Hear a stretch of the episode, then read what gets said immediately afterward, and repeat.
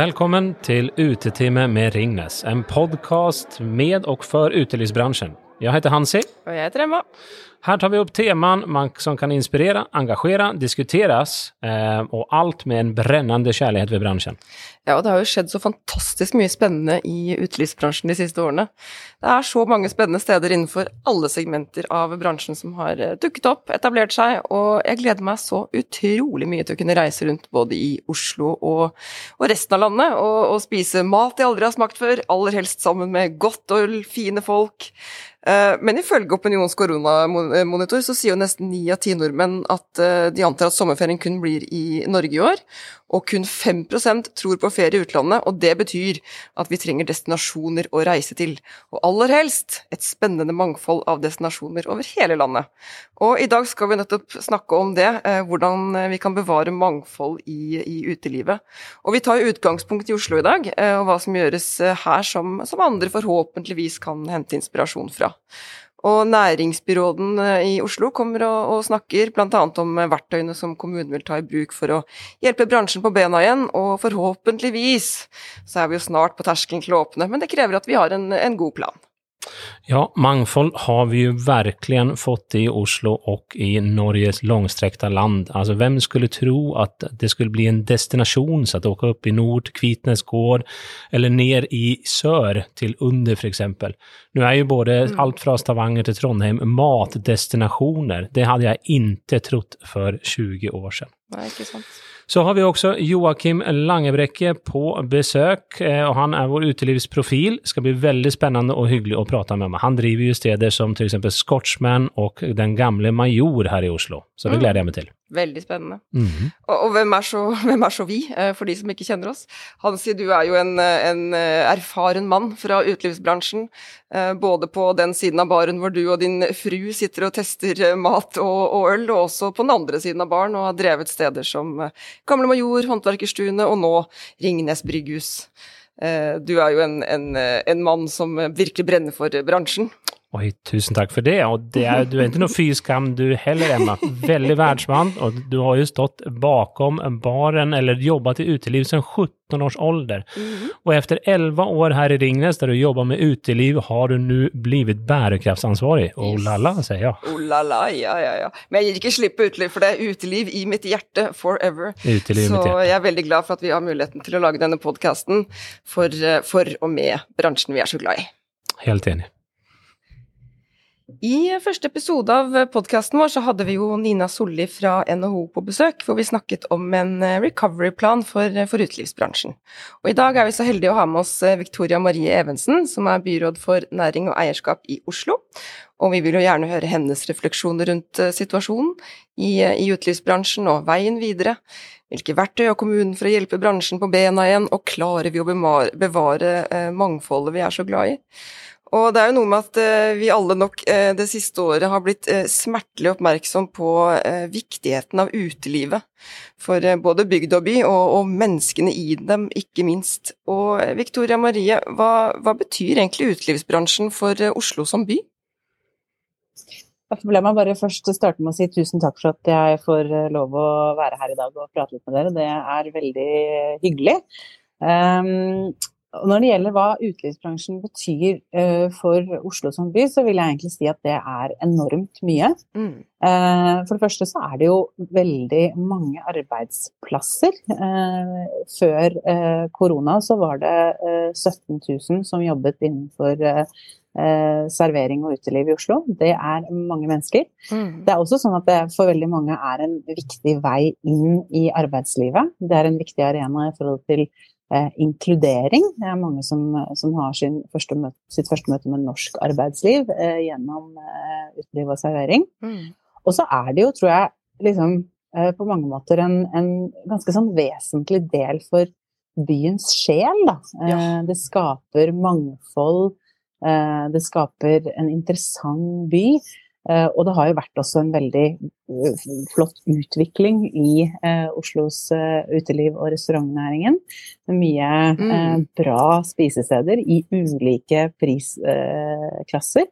Som jo gjør at vi også har fått kanskje en litt mer sånn kontinental måte å bruke byen på. mm. spiser mer ute, deler flere anledninger og sosiale arenaer også i uteliv og servering. Og jeg tror rett og slett at utelivet betyr ganske mye for oslofolks livsglede. Og så er det i tillegg selvfølgelig også en kjempeviktig del av byens attraktivitet sånn utenfor eh, byen, og, for de som er tilreisende til byen vår. Så det er, eh, ja, det er rett og slett en veldig viktig eh, næring eh, i vår by. Og Raymond Johansen, byrådslederen vår, han har jo omtalt eh, utelivsbedriftene som en form for hjørnesteinsbedrifter i Oslo. Ja. Og det syns jeg egentlig er en ganske sånn presis eh, måte å, å, snakke om det på. Mm.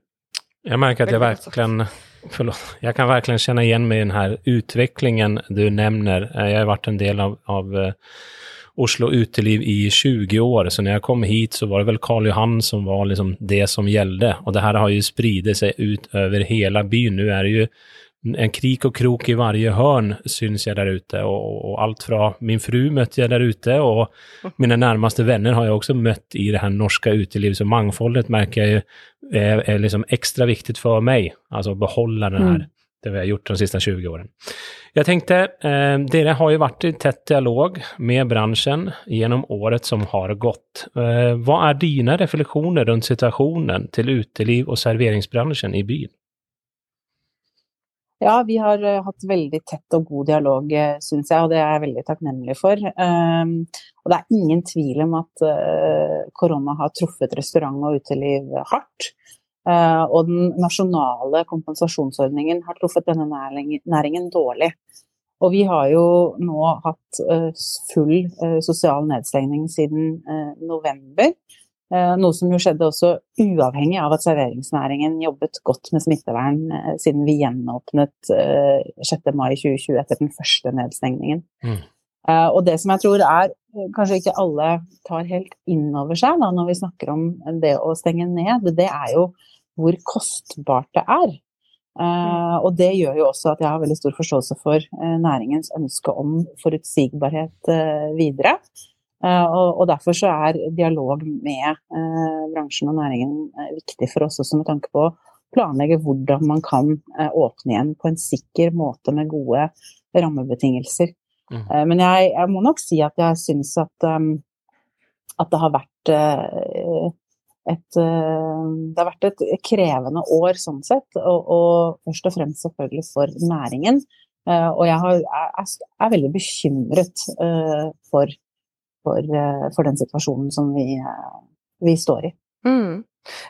Hvilke, hvilke, verktøy eh, tenker du at kommunen har for å komme bransjen i møte i dette? Altså det er klart Noe av det handler jo om det som jeg så vidt var inne på nå. At det at vi prøver å, å planlegge sammen. At vi har god dialog rundt hvordan man skal få til en gjenåpning eh, som er innafor med tanke på smittevern og, og, som sikrer gode rammebetingelser når vi kommer til det punktet. Eh, men så har jo eh, en viktig rolle for oss, slik jeg oppfatter det, er jo at vi har eh, adressert situasjonen overfor nasjonale myndigheter. Vi har jobbet grundig for å, å, å gi innspill til forbedringer i den nasjonale kompensasjonsordningen. Det siste innspillet vi ga til regjeringen nå, rett før påske, er jo eh, knytta til utsatt skatt og avgifter som forfaller nå i sommer, og som også har en forsinkelsesrente på 8 og det eh, er ikke mulig å betjene for en næring som har vært stengt ned siden november 2020. Mm. Uh, og, og, og, derfor har vi sagt at uh, det, vi ønsker først og fremst at det slettes helt, men at staten i hvert fall bør legge opp til at det inngås lange nedbetalingsplaner, og at forsinkelsesrenten også settes drastisk ned.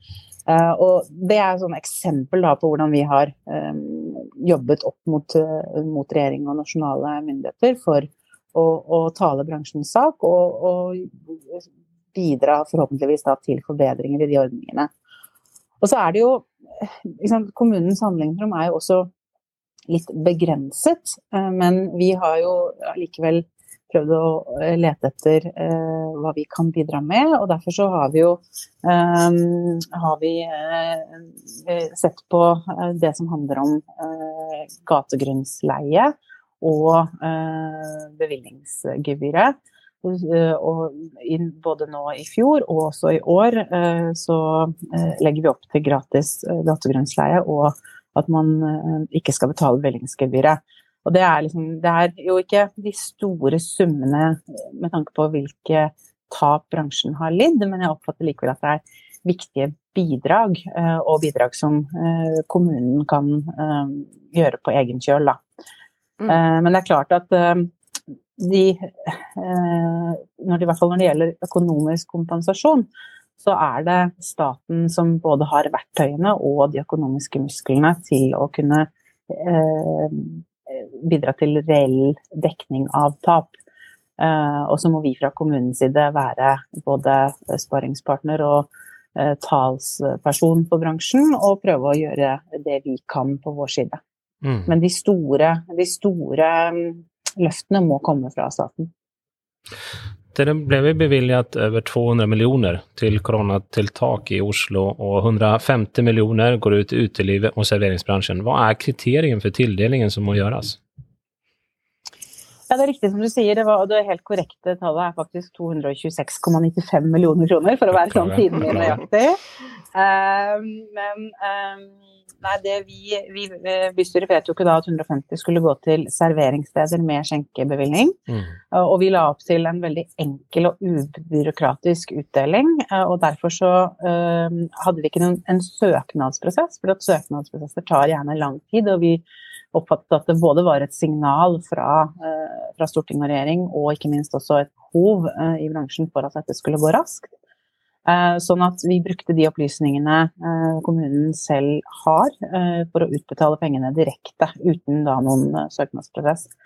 Og det gjorde at vi både i denne omgangen og også med de midlene som ble, gitt til Oslo kommune for å dekke tap i næringslivet før jul, kunne handle raskt, og at man slipper en ressurskrevende eh, søknadsprosess hvor man ofte også må ha bistand fra regnskapsførere med videre. Mm. Og så la vi det opp sånn at det ble utbetalt minimum 60 000 kroner til alle som faller inn under kriteriene, og resterende ble da fordelt forholdsmessig ut fra forventet alkoholgebyr mm. for 2020, men, eh, men, slik at ingen da mottok mer enn 300 000. Ja. Uh, og vi baserte utbetalingene da på på stedenes egen rapportering på hva de forventet av å omsette av alkohol. Uh, og det gjorde det også mulig for oss, bare for å si det, um, mm. å tildele midler til nyoppstartede virksomheter som hadde falt helt utenfor statens ja. kompensasjonsordning. Mm. Ja, tror du, altså, vil dette være med på å bevare mangfoldet i byen, når vi er på den andre siden av dette? Ja, jeg, jeg, må jo si at uh, vi sitter jo ikke med den totale oversikten over liksom hva den enkelte eh, virksomhet har tapt. Men mm. mitt inntrykk er jo at tapene er betydelig større enn det man så langt har fått kompensert for. Mm. Og det er jo på mange måter den store eh, ja, Det er jo der risikoen ligger, da, for at vi faktisk eh, vil se at steder ikke klarer seg, mm. og at man går konkurs. Ehm, men jeg håper jo at vi klarer å bevare mangfoldet, og at de eh, tingene vi har fått til, er håndsrekninger som gjør det mulig å komme seg over kneika. Eh, og så tror jeg at det liksom blir viktig fremover eh, at både staten og kommunen klarer å legge til rette for at de små og unike virksomhetene ikke forsvinner, og, og at vi ikke sitter igjen bare med store og like kjedekonsepter. Mm. Og da handler jo det også om hvordan man innretter støtteordninger og kompensasjonsordninger, og selvfølgelig også om alt fra liksom, saksbehandling til eh, ja, eh, den kommunale behandlingen, da. Men det handler også om eh, at eh, byens befolkning eh, i første omgang, og så etter hvert også tilreisende og andre, når det er mulig, igjen går ut og tar bevisste valg. At man støtter livsgrunnlaget til de stedene som man mm. ønsker å beholde Eh, i byen. Um, og, og der tror jo at vi alle, hvis vi kjenner etter, så vet vi jo at vi har noen favorittsteder.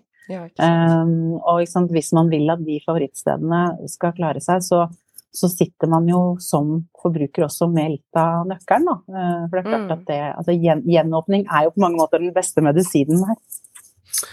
Jeg tenker, tror du noe vil bli annerledes i bransjen etter gjenåpningen? Ja, altså jeg hørte jo på den forrige sendingen deres at dere uh, sa at 42% vil gå oftere på bar og restaurant enn før uh, covid, og det er jo veldig gode nyheter. Ja. Uh, jeg tenker at det kan jo tyde på at mange ser da, hvor viktig restaurant- og utelivet er for byen og befolkningens trivsel, som vi også mm. snakket om innledningsvis. Um, så jeg, jeg, håper jo at det skjer, og i så fall så er jo det en ganske vesentlig endring. For selv om vi uh, har fått det jeg kalte et litt mer sånn kontinentalt uh, mm. livsmønster uh, innledningsvis, så er det jo fortsatt sånn at vi sammenligna med en del andre store byer lager mest mat hjemme allikevel. sånn at hvis vi, vi bruker byens serveringssteder og møteplasser mer, så er jo det kjempepositivt.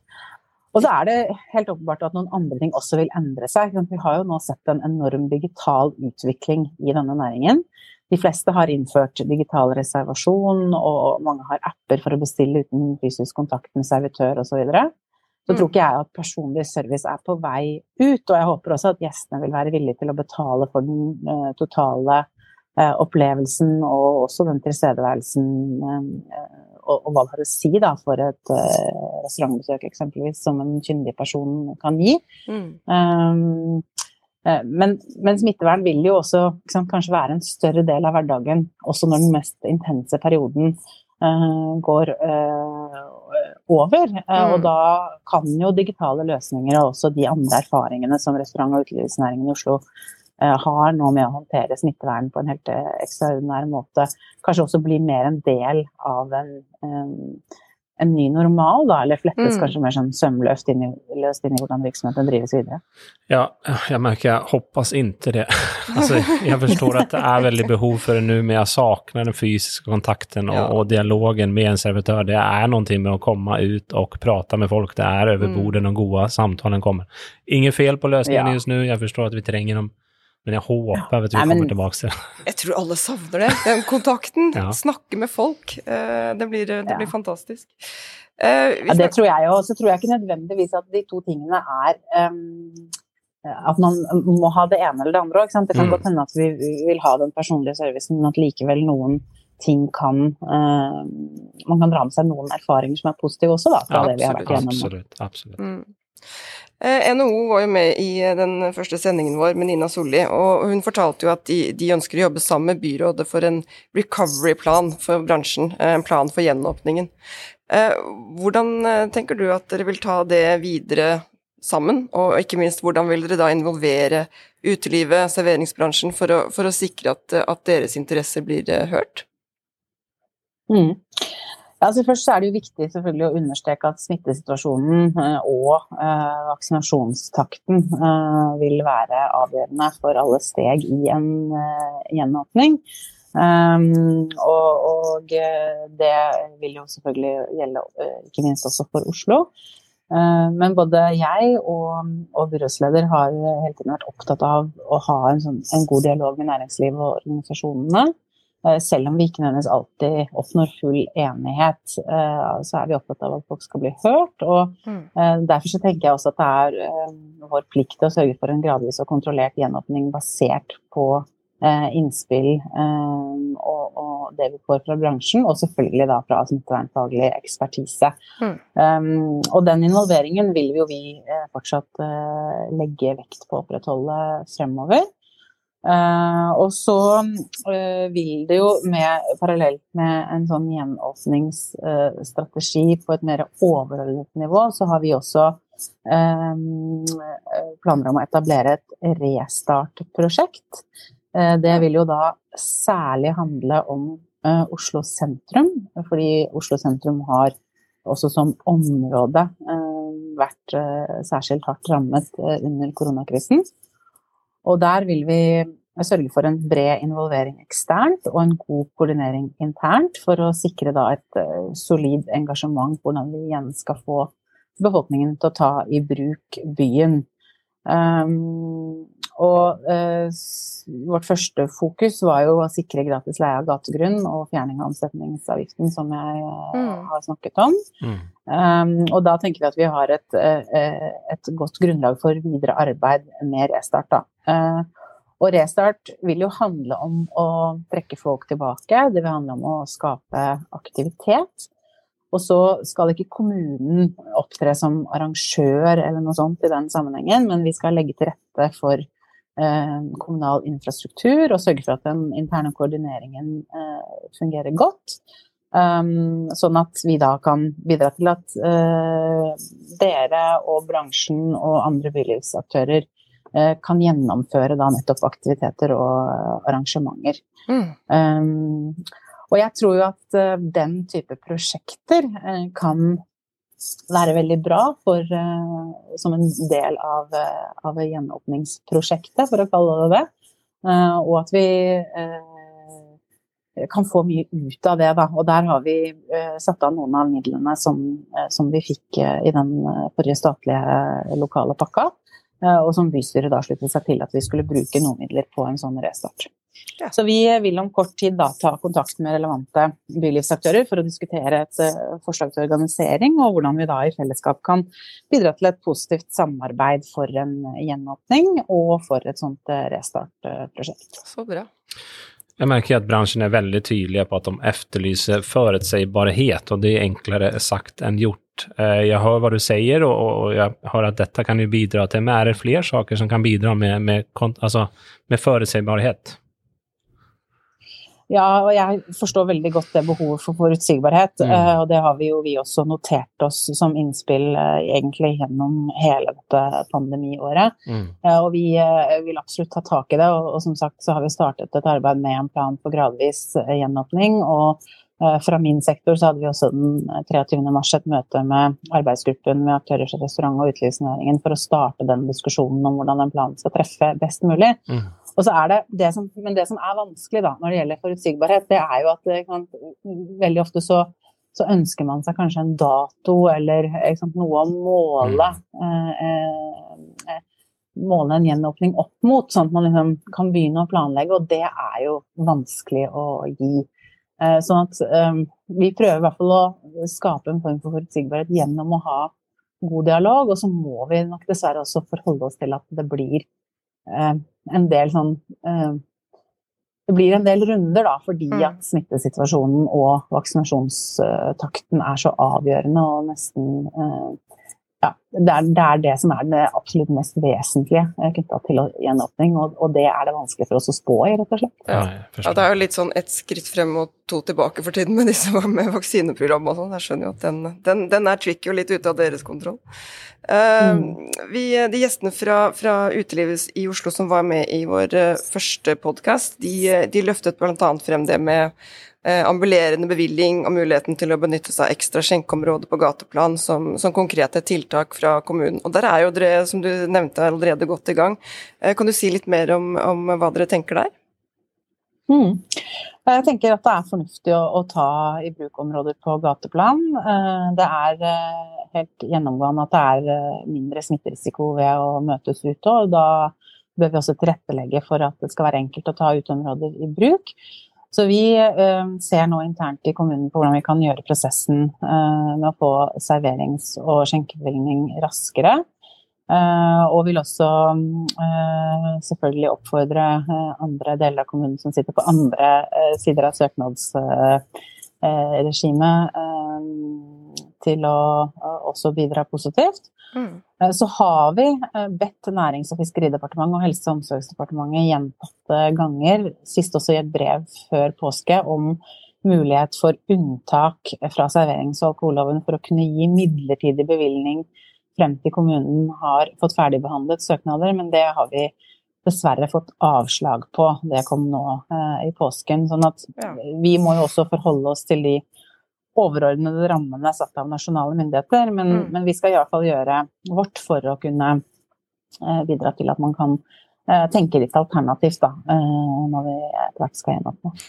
Men er, er, det en ønske for å, for å spre folk mest mulig over byen, for å ikke konsentrere dem? Ja, det er klart at altså, det, når, når, mange mennesker samles, så vet vi jo at smitten eh, trives veldig godt. Eh, mm. Så det at man eh, både det som handler om sosial nedstengning og det som handler om å holde avstand, er jo nettopp grep for å bøte på det. Og så tenker jeg at vi må jo både kunne bidra til at uh, folk samles flere steder, men selvfølgelig også at det er nok gjester på et sted til at det faktisk er et driftsgrunnlag. Så det blir jo en sånn uh, kombinasjon da, av to tanker, på et vis. og så har jeg jo oppfattet også, som dere sier, at, at utelivet selv også ser at det kan være en fordel å kunne ta i bruk noe større arealer. Da. Mm. og hvis det er mulig å få til, så så tenker jeg at det kan være positivt. Mm. Mm. Ja, øh, veldig bra. Til slutt, hvor vil du ta den første pilsen når, eh, når tiden er moden for en gjenåpning av Oslo? Blir det, blir det, pils i parken i sommer? Ja, det må vi jo håpe. um, men så er det veldig vanskelig, syns jeg, da, å velge uh, blant alle de fantastiske stedene i byen vår som mm. forhåpentligvis da vil være åpne igjen. Eh, men det er klart, det kan jo kanskje fort bli et sted på, på nabola, i nabolaget mitt på, på Grünerløkka, eller kanskje i sentrum etter jobb, hvis jeg er så heldig at jeg kan eh, være litt mer på kontoret og tusle gjennom byen på veien hjem. Ja, ikke sant. Vi vil takke deg. Det her var spennende, spennende som alltid, og veldig hyggelig å ha deg her, at du tok deg tid. Eh, og, og, så håper vi alle på å, å møtes over en pils i parken ja, i framtiden. Tusen takk for at du var med. Takk til dere også.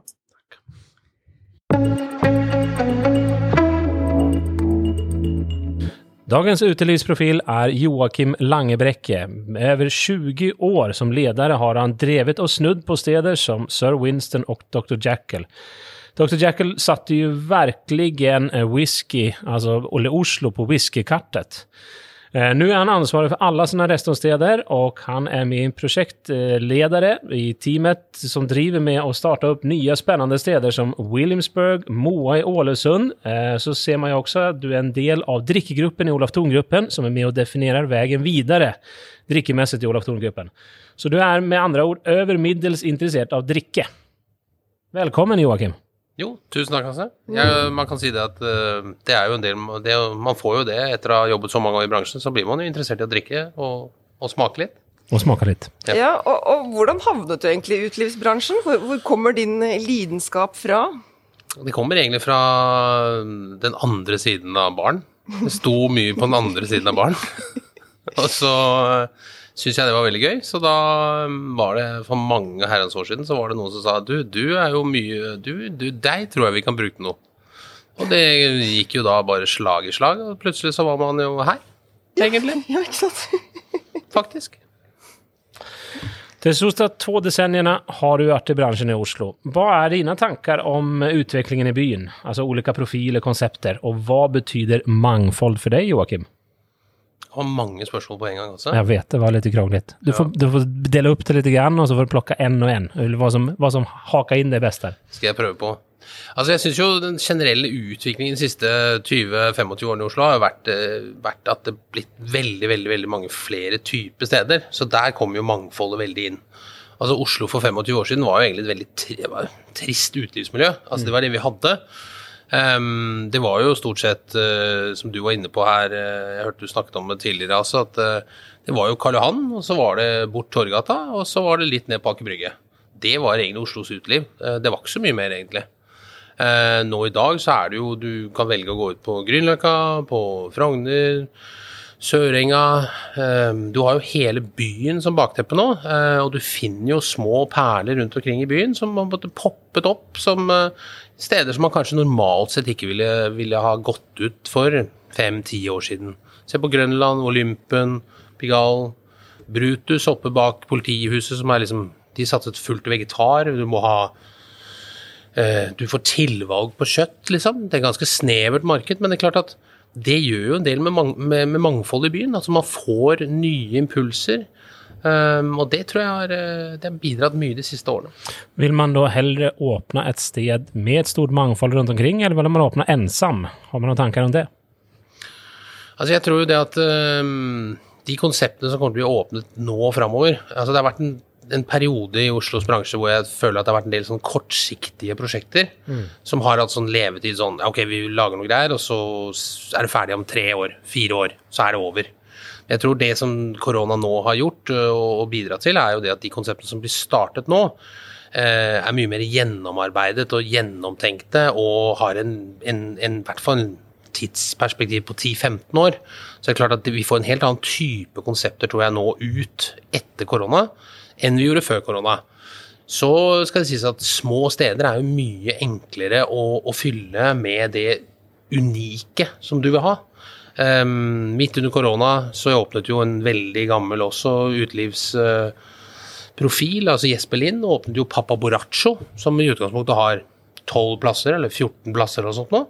Det er klart det, Med en meter mellom hver, så blir det ikke mange igjen som er der inne, men, uh, men det er klart at han har laget en 100 mescal-bar. Mm. Uh, mescal som er utrolig populært blant veldig mange, og kommet liksom nå de siste årene. Men det er klart, det kan ikke være så mye større enn det det i stedet, fordi det er det som skal til for å lage et så unikt sted.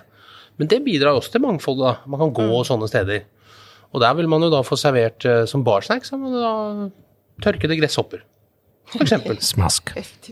Smak som popkorn. Smak som popkorn, faktisk. Du har smakt? Ja, ja, ja. ja, ja, ja.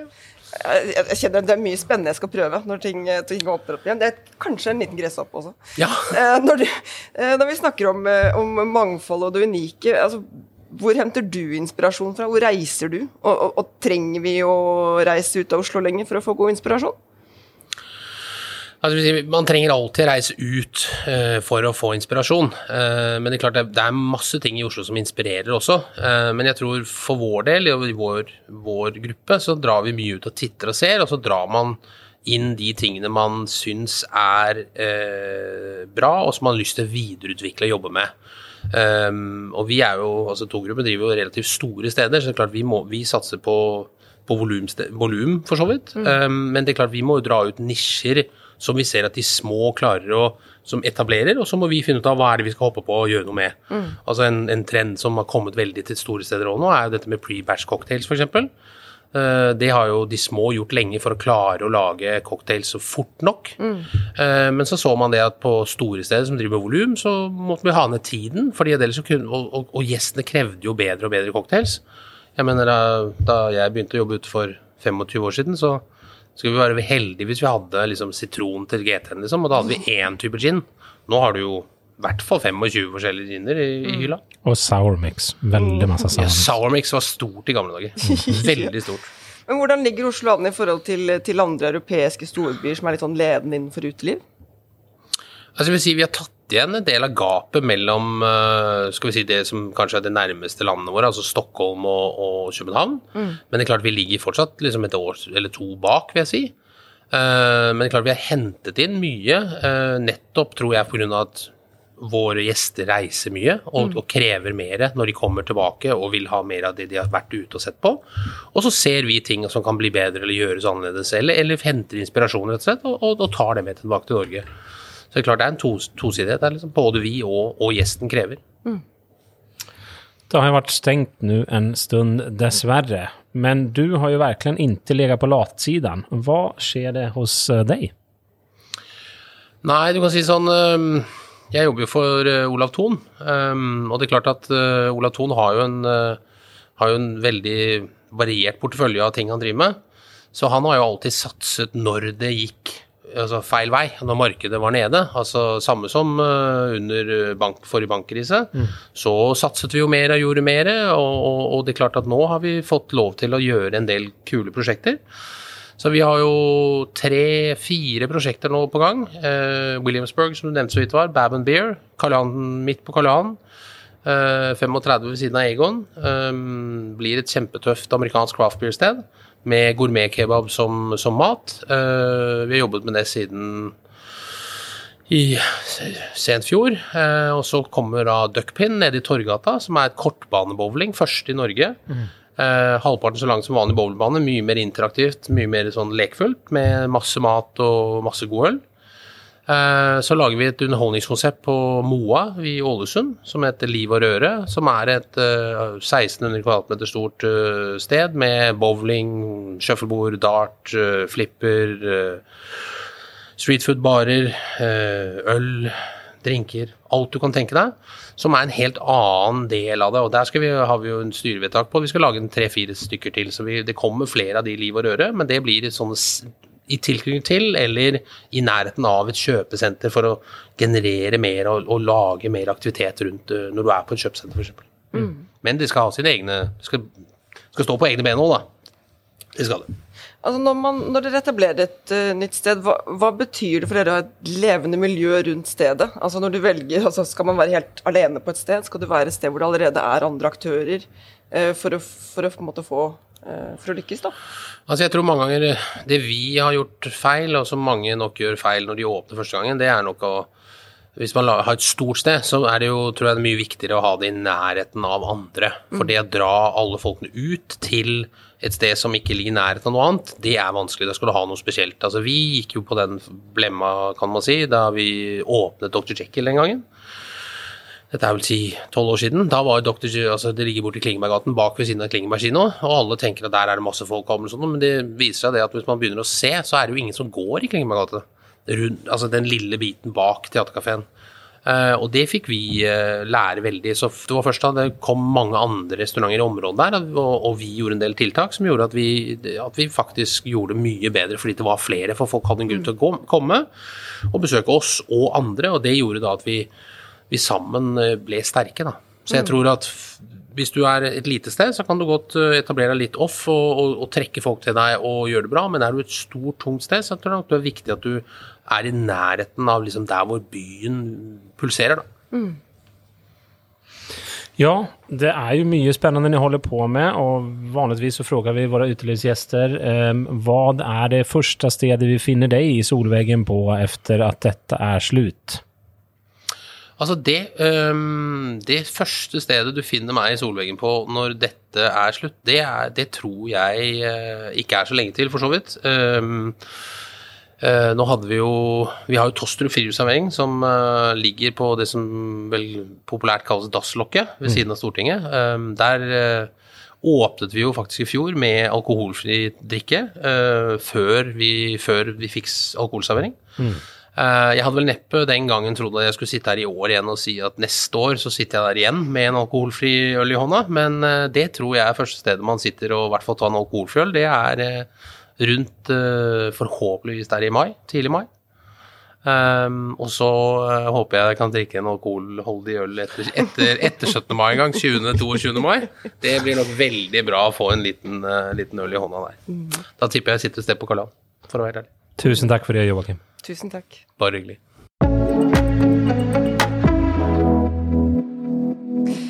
Hatt noen eh, spennende gjester på besøk i dag, eh, Hansi. Det er uh, liten tvil om at, om at, dette med mangfold i utelivsbransjen, det er superviktig. Både for oss som jobber med og i den, og, og, ikke minst for alle som gleder seg stort nå til å kunne gå ut igjen, oppleve forskjellige steder, spise gresshoppesnacks og drikke 25 sorter gin, og kanskje mest av alt dette med å, å møte med andre mennesker.